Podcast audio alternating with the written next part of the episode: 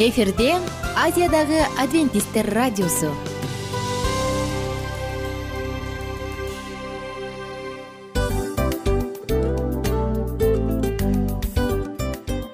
Достор салют. Баардык сүйүктүү угармандарыбызга салам айтабыз. Кутман күнүңүздөр менен. Ден соолук өмүрдүн булагы демекчи саламат саамы программасында баарыңыздарды көргөнүбүзгө абдан кубанычтабыз. Анда алгач амандашып өтөлү арбаңыздар деп. Ден соолугуңуздар кандай элибизде көбүнчө ден соолук кандай дегенде эле жакшы деп жооп беребиз э? ооруп турсак дагы жакшы дейбиз. Анан мен муну айтып ойлойт элем бул абдан сонун сөз депчи анткени бул жакшы деген үмүт да ооба баары жакшы болот. Баары сонун. Деп үмүттөнүп атып эле өзүбүздү өзүбүз дарылап коебуз. Анысы кандай? Сиздин дагы ден соолугуңуз жакшы беш деген үмүттөбүз чындыгында ден соолук бул өмүрдүн булагы деп бекеринен айтылган эмес деп ойлойм. Кыргыз элинде анткени эгерде ден соолук жок болсо анда адамдын жашоосунда калган баардык керектүү маңыздуу нерселер өзүнүн баалуулугун жоготуп коет. Ошондуктан ден соолук бул эң керектүү нерсе. Ооба туура айтасың кесиптешим. Чынында ден соолугуң жок бир эки үч күн ооруп калсаң эле э кандай болуп калат? Жашоодо көз каранды болуп каласың көп нерсеге жетишпей каласың көп нерсени кыла албай каласың жада калса эшикке дүкөнгө да чыга албай каласың. Туптуура анан ден соолук болсо демек биз биздин бактыбыз тоодой деп койсок болот. Анда достор саламат саамы рубрикабызды баштайлы. Алдыда өзүңүзгө керектүү болгон сонун кеңештерди уга аласыздар. Мына ошондуктан биз менен бирге болуңуздар. Ал эми биз болсо милан жана айнура. Кеттик алга. Алга саламат саама ден соолуктун жарчысы. Саламат саама ден соолуктун ачкычы. Күн сайын сиз үчүн мыкты кеңештер сонун жаңылыктар кызыктуу фактылар. Биздин рубрикада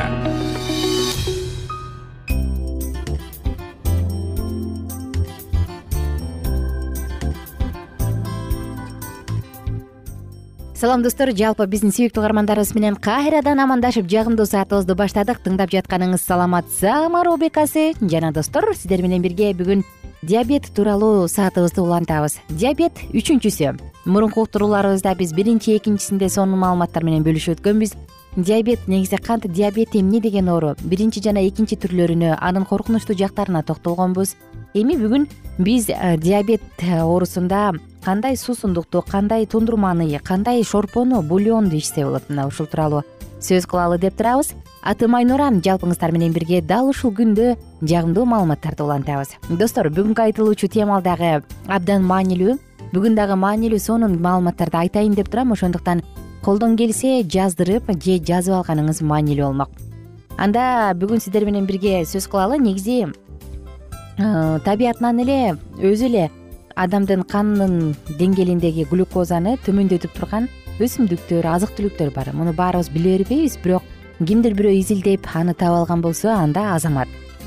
Акыркы учурларда көптөгөн өсүмдүктөр кандын курамындагы глюкозаны түшүрүп тургандыгын гипогликемикалык касиети бар экендигин далилдешкен. Бул өзгөчө биринчи диабеттин түрүндө баягы балдарда болгон учурда жана экинчи түрүндө дагы чоң адамдардагы диабетте дагы. Мындай өсүмдүктөрдүн катарында баухиния кирет жана корица кирет. Баухинияны мүмкүн сиз билбестиздер көпчүлүгүбүзгө бизге тааныш эместир бирок алдыда токтолобуз. Буга бул эмне деген өсүмдүк экенин? Дал ушул эки өсүмдүктүн инсулинге каршы антидиабетикалык препараты препарат катары мыкты сонун колдонула тургандыгы далилденген жана алардын эффективдүүлүгү дагы сөзсүз түрдө далилденген. Эми сиздер менен биз корицадан кадимки эле корицадан тундурма жасайбыз. Корица бул жөн гана жыт берүүчү приправа эмес анын жагымдуу жытынан тышкары анда дарылык касиети дагы зор. Жана азыркы учурда биз айтып аткан диабет учурунда бул диабетке каршы антидиабетикалык мыкты касиети бар сонун тундурма сонун приправа. Корицанын тундурмасынын касиетине токтолсок антидиабетикалык тамак сиңирүүнү жакшыртат сезгенүүгө каршы холестериндин деңгээлин төмөндөтөт жана афродизиак болуп саналат достор. Афродизиак эмне экенин билесиз мурунку уктурууларда бул жөнүндө сөз кылганбыз. Эми биз сиздер менен бирге даярдайбыз. Корицадан тундурма даярдайбыз. Алгач сиз бир чашка сууну кайнатып алыңыз. Кайнап аткан сууга бир эки палочка корица же жарым чай кашык майдаланган корицаны салыңыз дагы эки мүнөттөй кайнатыңыз чалып чалып кайнаган соң сууну өчүрүп коюңуз дагы бир нече мүнөт ал турсун. Андан соң аны э, ситадан өткөрүп алыңыз анан лимон ширесин кошуп коюңуз. Ага дагы ошондой эле таттуу кылуучу стевия кошуп койсоңуз болот. Күнүнө дал ушундай тундурмадан бирден үч жашка чейин чашкага чейин ичип турсаңыз пайдалуу. Корица бизде төркүн түстүү сатылат. Ар кандай түрү менен майдаланганы майдаланбаганы толтура кенен сатылат базарларда гипер супермаркеттерде ошондуктан бул жеткиликтүү. Дагы бир жолу кайталасам алгач сууну кайнатып алыңыз. Андан соң ага бир эки палочка корица же жарым чай кашык майдаланган корицаны кошуп эки мүнөттөй кайнатыңыз андан соң отту өчүрүп коюңуз дагы. Суусундук тура турсун бир нече мүнөт. Андан кийин аны ситодан өткөрүп алыңыз дагы ага лимон ширесин кошуп кааласаңыз стевия кошуп күнүнө бирден үч чашкага чейин ичсеңиз болот. Андан ары достор биз жана баухиня деп айтпадыкпы бул эмне болгон баухиня? Ножничная баухиня. Бул өсүмдүк бул бак. Анын гүлдөрү тим эле апапак болуп сонун кооз ачат бул көбүнчө аргентина парагвай бразилияда өсүүчү бак. Ал ошондой эле өсүмдүк табигый инсулин деген атка дагы пайдалуу. Анткени чындыгында уйку безине инсулинди көбүрөөк иштетип чыгарганга жардам берет. Анын натыйжасында албетте диабетиктерге мыкты каражат. Ошондой эле достор анын жалбырактары антидиабетикалык отвар же кайнатма же тундурмага каршы дагы мыкты сонун жардамчы аны кээде теререге дагы кошуп ичишет. Бул муздак мата э? Анда мындай учурда ал адамды серкитүүчү элемент катары колдонулуп келет. Баухинянын кайнатмасы антидиабетикалык зара кубалоочу жана ооздун ичин кыжылдатып бир курма жегенден кийин ооз кургайт эмеспи дал ушундай касиетке ээ жана дезинфекциялоочу мыкты касиети бар. Даярдайбыз. Алгач бир аз кургатылган жалбырактарды ушул баухинянын жалбырагын кайнап аткан сууга кошуңуз дагы. Анан бир нече мүнөт коюп коюңуз. Стевия кошуңуз бир аз таттуу болуш үчүн анан күнүнө эки үч чашка ичсеңиз жетиштүү. Болду жөп жөнөкөй жана жеткиликтүү. Жана ошондой эле сиз менен бульонду бөлүшөлү деп турабыз. Антидиабетикалык бульон. Диабетиктердин көпчүлүгүнө жашылча жашыл жалбырактуулар сунушталат. Мурунку уктурубузда айтылгандай. А бүгүнкү бульон кадимки эле пияз жашыл төө жанагындай төө бурчагынын жалбырагы деп коебуз э стручковая фасоль деп коебуз жана артишок. Болду ушул үч гана азык керек. Булардын баардыгы дагы уйку безине инсулинди көбүрөөк иштетип чыгарганга жардам берет дагы кандын курамындагы глюкозаны бирдей деңгээлде кармайт. Мындай бульон антидиабетикалык мыкты касиетти ээ эми бышыра баштайлы. Эки пияз бир аз жанагындай стручковый фасоль жана бир артишокту үч литр сууга салыңыз. Эгерде сиз скороварканы колдоно турган болсоңуз эки эле литр сууга кошсоңуз болот эми аны жай отто бир саат убакыттай кайнатыңыз. Жай отко бир сааттай. Андан кийин аны ситодан өткөрүп алыңыз дагы туз кошуп муздатып коюңуз. Муздагандан кийин лимон ширесин кошуп күнүнө эки үч стакан ичсеңиз жетиштүү. Жөнөкөй жеткиликтүү. Дагы бир жолу кайталайын. Эки баш пияз бир аз стручковая фасоль жана бир артишокту үч литр сууга саласыз дагы бир сааттай жай отто кайнатасыз. Кайнагандан кийин аны ситодан өткөрүп аласыз. Туз кошосуз муздагандан кийин ага лимон ширесин кошосуз дагы иче баштайсыз. Болду. Сонун бульон даяр. Оорубаңыздар достор. Адамдын биринчи байлыгы ден соолук деп коет эмеспи. Дал ушул ден соолукту ар бириңиздерге каалайм кайрадан амандашканча күнүңүздөр көңүлдүү улансын. Бар болуңуздар бай болуңуздар.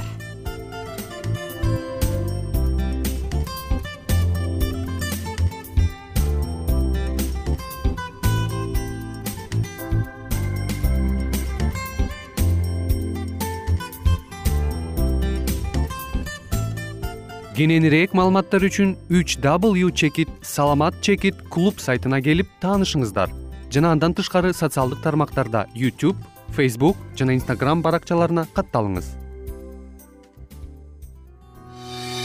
Саламат саама ден соолуктун жарчысы. Саламат саама ден соолуктун ачкычы. Күн сайын сиз үчүн мыкты кеңештер сонун жаңылыктар кызыктуу фактылар биздин рубрикада.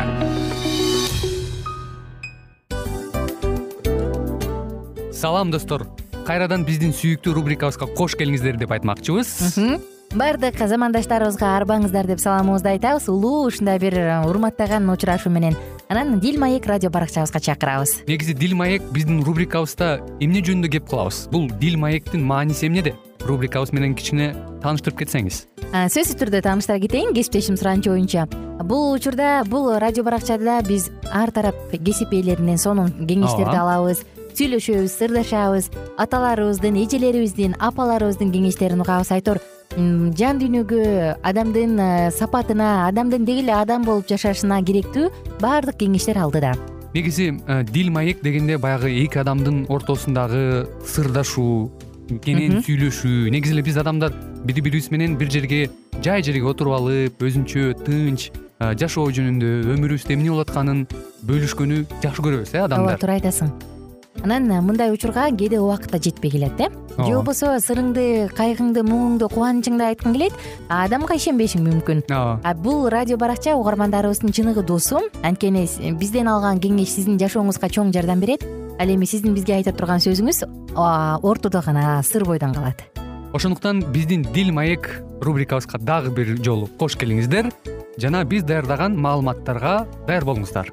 Айнура жана милан сиздер менен бирге алдыга кеттик ар түрдүү ардактуу кесип ээлеринен алтын сөздөр жүрөк ачышкан сыр чачышкан сонун маек дил маек рубрикасында.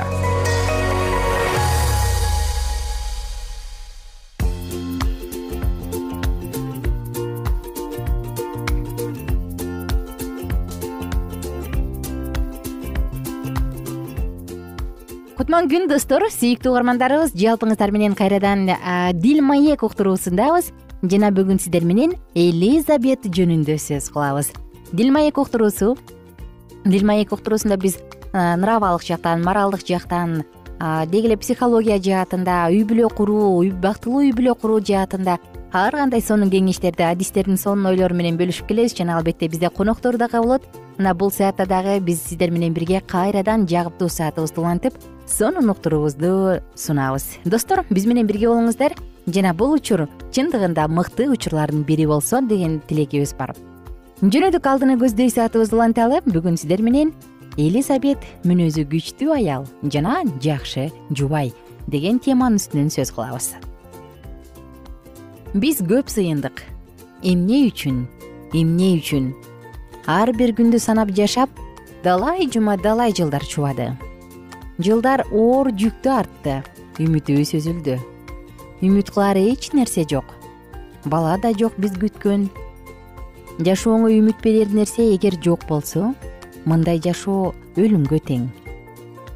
Михаил вандер плас элизабет мүнөзү күчтүү аял жана жакшы жубай. Жүйүт падышасы ираттын убагында абия тобунда захария аттуу ыйык кызмат кылуучу болгон. Ошол күндөрдөн кийин анын аялы элизабеттин боюна бүтүп беш ай бою жашырынып жүрдү. Ошол күндөрдүн биринде мариям тоолуу жүйүт өлкөсүнүн бир шаарына шашылыш түрдө жөнөдү. Лука жазган жакшы кабар биринчи бап отуз тогузунчу кырк бешинчи аяттар. Жакшы кабарчы лука элизабетти кадырлуу жана татыктуу аял катары сүрөттөйт кызыкпы ал ыйык кызмат кылуучунун аялы ал эми ыйык кызмат кылуучулар абердүү аялды гана алуулары керек болчу. Болбосо алардын ыйык наамына тил тиймек. Элизабет так ушундай аял. Ал ыйык кызмат кылуучунун аялы эле эмес арун уруусунан чыккан аял. Ыйык жазууда алар жөнүндө ачык эле. Экөө тең теңирдин осуяттары менен көрсөтмөлөрүн так аткарып кудай алдында адил жашашчу деп айтылган жакшы кабарчы лука бул сөздөр менен захарияга кандай басым койсо элизабетке деле ошондой басым коет. Элизабет жөнүндө эч ким жаман сөз айта албайт. Ал такыба күйөөсүнүн жолун жолдогондугу үчүн эмес өзүнүн рухий жашоосу болгондугу үчүн айырмаланат. Аны кудайга кызмат кылган мамилеси үчүн дагы макташат. Ал кудайга мыйзам тамгасы боюнча эмес руху менен кызмат кылат. Бул абдан көп нерседен кабар берет. Ошондуктан балалуу болбой жаткандыгы анын өзү үчүн кайгылуу табышмак. Обони жана ар бир жүйүт аял сыяктуу эле ал да миссиянын энеси болууга үмүттөнсө керек э? Балалуу болуу батасынан айрылган жүйүт аялдары сыяктуу ал өзүн башкалардан кем сезип өзүн кыйнаган суроого жооп таба албайт. Мен эмнени туура эмес кылдым эмне үчүн кудай мага ырайым кылбайт? деп аябай көп суроо берсе керек өзүнө. Ошентип отуруп картайып да калды. Ал эми эңсеп күткөн наристе дагы деле төрөлө элек кудайдан бала сурап сыйынганын уланта берди бекен кызык? Же кудай менин сыйынымды кабыл албайт деп ойлоду бекен же тагдырына баш ийип калды бекен көптөгөн жылдар бою күтүп жүрүп өз элине чыгаан уулдарды тартуу кылышкан ыскактын жакыптын жана шемуэлдин энелеринен эле эмес. Элизабеттин жашоосунда дагы күтүлбөгөн окуялар көп. Күйөөсүнүн теңир алдында кызмат кылуу кезеги келип кызмат кылып жатканда өкчөмө таш ыргытылып ага ибадатканага кирип жыпар жыттуу зат түтөтүү кызматы тийди. Ошол учурдан тарта элизабет экөө үчүн жашоонун жаңы доору башталды. Кудайдын өзгөчө жарчысы жебирейил анын алдына пайда болуп коркпоо захария анткени сенин сыйынууң оголду аялың элизабет сага уул төрөп берет анын ысымын жакан коесуң деди. Узакка созулган күтүүнүн акыбети кайтты. Захария менен элизабет уулду болушту. Кудай элизабетти шылдыңдан куткарып алардын жымжырт болгон үйүнө жаңы жашоо кирди. Кичинекей баланын ары бери чуркаганы кубанычтуу күлкүсү жымжырттыкты бузду. Бирок кудай мындан да чоң нерсени кылгысы келет. Бүтүндөй жүйүт эл үчүн жаңы келечек алдыда элизабеттин баласы башка балдардай эмес ал кудайга арналган адам болуп өз элин кудайга кайрылтат аялдар төрөгөн балдардын ичинен эң чоңу жакан экендиги жөнүндө ыйса күбөлөндүргөн дүйнөнүн алдында жаңы мейкиндиктер ачылды. Жакандын төрөлүшү менен анын өлкөсүнө жана элине эле эмес бүт дүйнөгө бата берилди. Жакан келе турган машаякка жол даярдоочу кудайдын элчиси болгон захария сенин сыйынууң угулду бала сурап сыйынган сыйынууң эле эмес машаяк үчүн сыйынууң да угулду. Адам мындай күтүүсүз бакытты кантип түшүнө алат? Айтыңызчы захария дагы кыясы муну түшүнө алчу да эмес. Ал жышаан көрсөтүлүшүн сурады. Бул ал үчүн оор натыйжа алып келди. Ал тогуз ай бою бир да сөз сүйлөй албай дудук болуп калды. Айткысы келгендеринин баарын жазышы керек болчу дал ушул учурда элизабеттин улуу ишеними көрүндү. Ал укмуштуу кабарды угуп айраң таң калып эмне кылаарын билбей калган жок. Анан калса ал бул кабарды күйөөсү сыяктуу эле кудайдын жарчысынан укту. Ал муну күйөөсүнүн тактайчага жазган сөздөрүнөн улам билди. Кызык э достор? Абдан кызыктуу окуя андан ары эмне болгон? Биз сиздер менен кийинки уктурууда улантабыз. Ага чейин жалпыңыздар менен убактылуу гана коштошом. Күнүңүздөр көңүлдүү улансын бар болуңуздар жана бай болуңуздар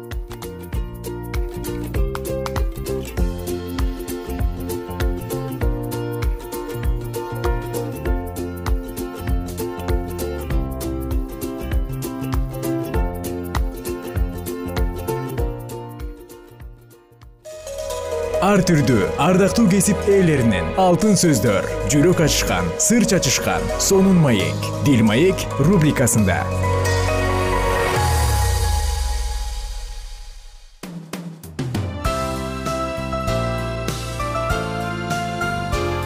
Эфирде азиядагы адвентисттер радиосу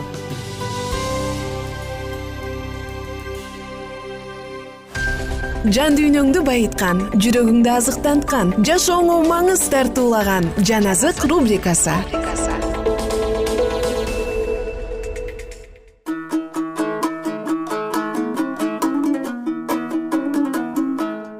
Салам достор. Жалпы биздин сүйүктүү каармандарыбыз менен амандашып кайрадан ошуя китебин окууну улантабыз тыңдап жатканыңыз жан азык рубрикасы жана жан азыкта эски осуятта тоорат китебинде жазылган пайгамбарлар китебин улантып атабыз ошуя китеби он экинчи бөлүм. Эпрайым шамалды кайтарып жүрөт. Чыгыш шамалынын артынан кууп жүрөт. Күн сайын жалганчылыкты жана талаптанууну көбөйтүп жатат. Алар ашур менен келишим түзүп жатышат. Мисирге зайтун майы жеткирилип жатат. Бирок теңир жүйүт менен да соттошот. Ал жакыпты жолдоруна жараша жазалайт ага иштерине жараша тиешесин берет ал энесинин курсагында жатканда эле бир тууганын тепкен. Ал эми эр жеткенде кудай менен кармашты. Ал периште менен кармашты. Аны жеңип чыкты ыйлап ага жалынып жалбарды. Бетелде ал бизди таап ошол жерде биз менен сүйлөштү. Теңир болсо сибайот кудай жахаба анын ысымы. Сен да өз кудайыңа кайрыл. Ырайымдуулукту акыйкаттыкты сакта жана ар дайым кудайыңа таян канаандык адамдын колунда туура эмес тараза бар. Ал жеп калганды жакшы көрөт. Эпрайым мен байыдым. Өзүмө мал мүлк жыйнап алдым. Менин бардык эмгектеримден күнөө болуп эсептелген мыйзамсыз бир да нерсе таба алышпайт деп айтып жатат. Мен болсо сен мисир жеринен чыккандан бери сенин кудай теңириңмин сени майрам күндөрүндөгүдөй кайрадан алачыктарга отурукташтырам мен пайгамбарларга сүйлөдүм аяндарды көбөйттүм жана пайгамбарлар аркылуу үлгү насаат аңгемелерди колдондум. Эгерде гилат жараксыз нерсе болуп калса анда анын туугандары да болбогон нерсе болуп калышты. Гилгалда буркачарларды курмандыкка чалышты. Алардын курмандык чалынуучу жайлары талаалардын чектеринде турган үймөк таштардай. Жакып сирия талаасына качып кетти. Ысрайыл аял үчүн кызмат кылды. Аял үчүн кой кайтарды теңир пайгамбар аркылуу ысрайылды мисирден алып чыкты. Ал аны пайгамбар аркылуу сактап жүрдү.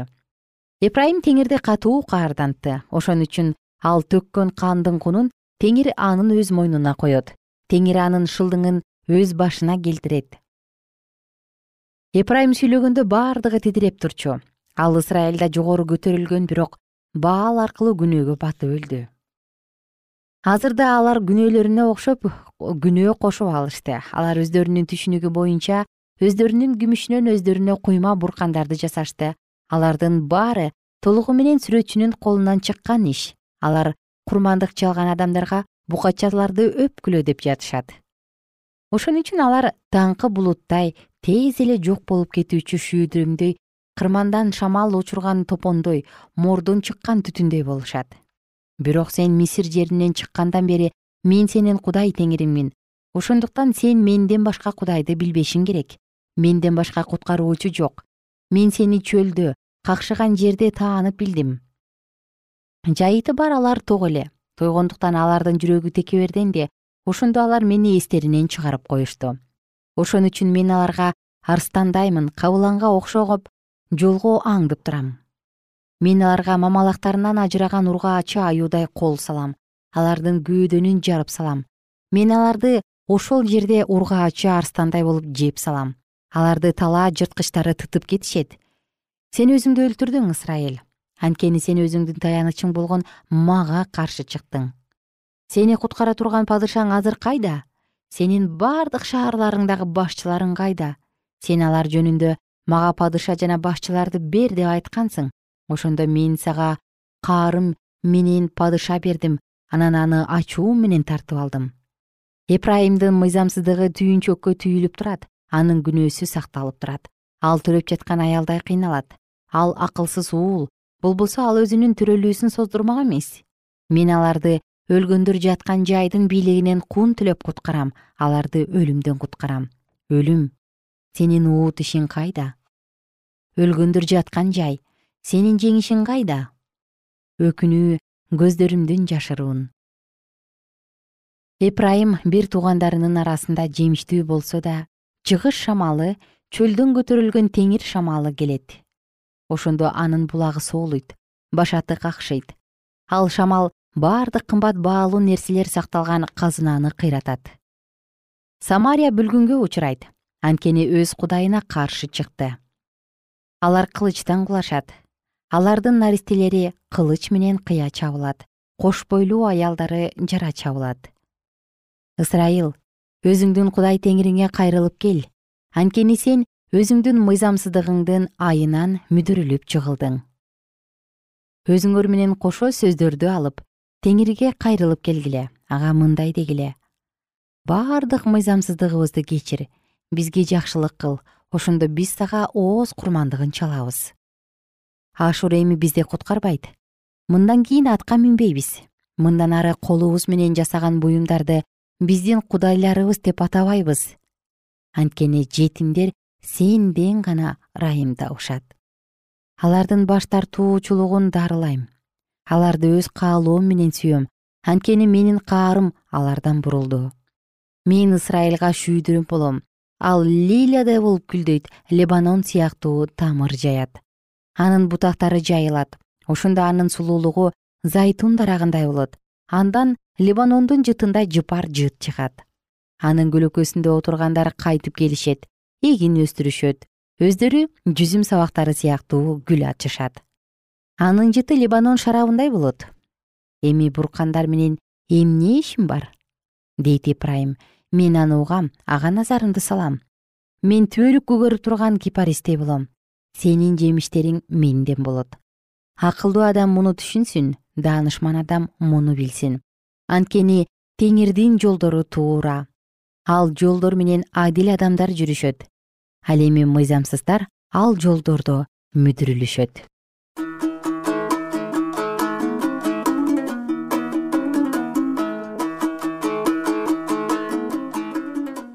ардактуу достор бүгүн сиздер менен бирге ушия китебин жыйынтыктачу акыркы бөлүмдү окудук он төртүнчү бөлүмдү. Караңыздарчы теңирдин жолдору туура дейт. Келиңиздер биз дагы жүрөгүбүздү теңирге буруп теңирдин жолдору менен жүрөлү. Анткени бир гана ал туура жол.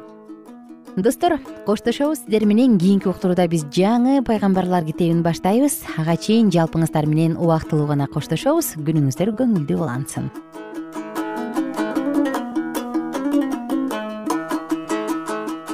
эгер сиздерде суроолор болсо же көбүрөөк маалымат билем десеңиз анда биздин whatsapp номерибизге жазыңыз.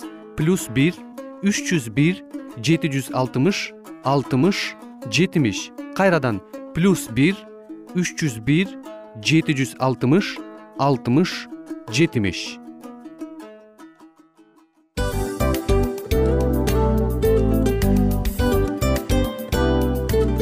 ушул менен достор программабыздын уктуруубуздун эң кайгылуу мөөнөтүнө келип жеттик. Кайгылуу дегенде ыйлагым келип кетти кесиптеш. Кадимкидей. Анткени баягы учурашасың анан коштошуу учур келгенде ии кантип ии эми бат баттан келиптир э сагындырбай деп атып араң коштошобуз го анысы кандай? Угармандарыбыз менен коштошчу учур келди кийинки уктурууларды сагыныч менен жүрөгүбүздө кусалык менен күтөбүз жалпыңыздарды. Анан жарым сааттык уктуруу көз ачышым канча өтүп кетти. Сөзсүз. Бирок бизде жакшы кабар бар. Кийинки уктурууларыбызда сөзсүз дагы кезигишебиз. Анткени биз көптөгөн сюрприздерди кызыктуу маалыматтарды жана керектүү керектүү нерселердин көбүнчөсүн даярдадык анда угармандарыбыздын баардыгына ийгиликтүү күн каалайбыз эгерде бүгүнкү күнүңүз өзгөчө э, өтүшүн кааласаңыз анда позитивдүү ой жүгүртүп жылмайып жакындарыңызга жакшы маанай тартуулап жүрө бериңиз. Анткени сөзсүз түрдө мунун арты кайтат э? Сөзсүз. Баягы ден соолугуң оңолот ал бул деп көп нерсени санап келебиз. Эң негизгиси бул сиздин жашооңузду жаркын кыла түшөт экен. Жараткан кудай ар бирөөңүздөргө батасын берсин жашооңуз ийгиликтүү болсун сак саламатта калыңыздар деп мен милан жана кесиптешим айнура. Баардыгыңыздар менен кийинки уктурууда үн алышканча баарыңыздарга ийгилик каалайбыз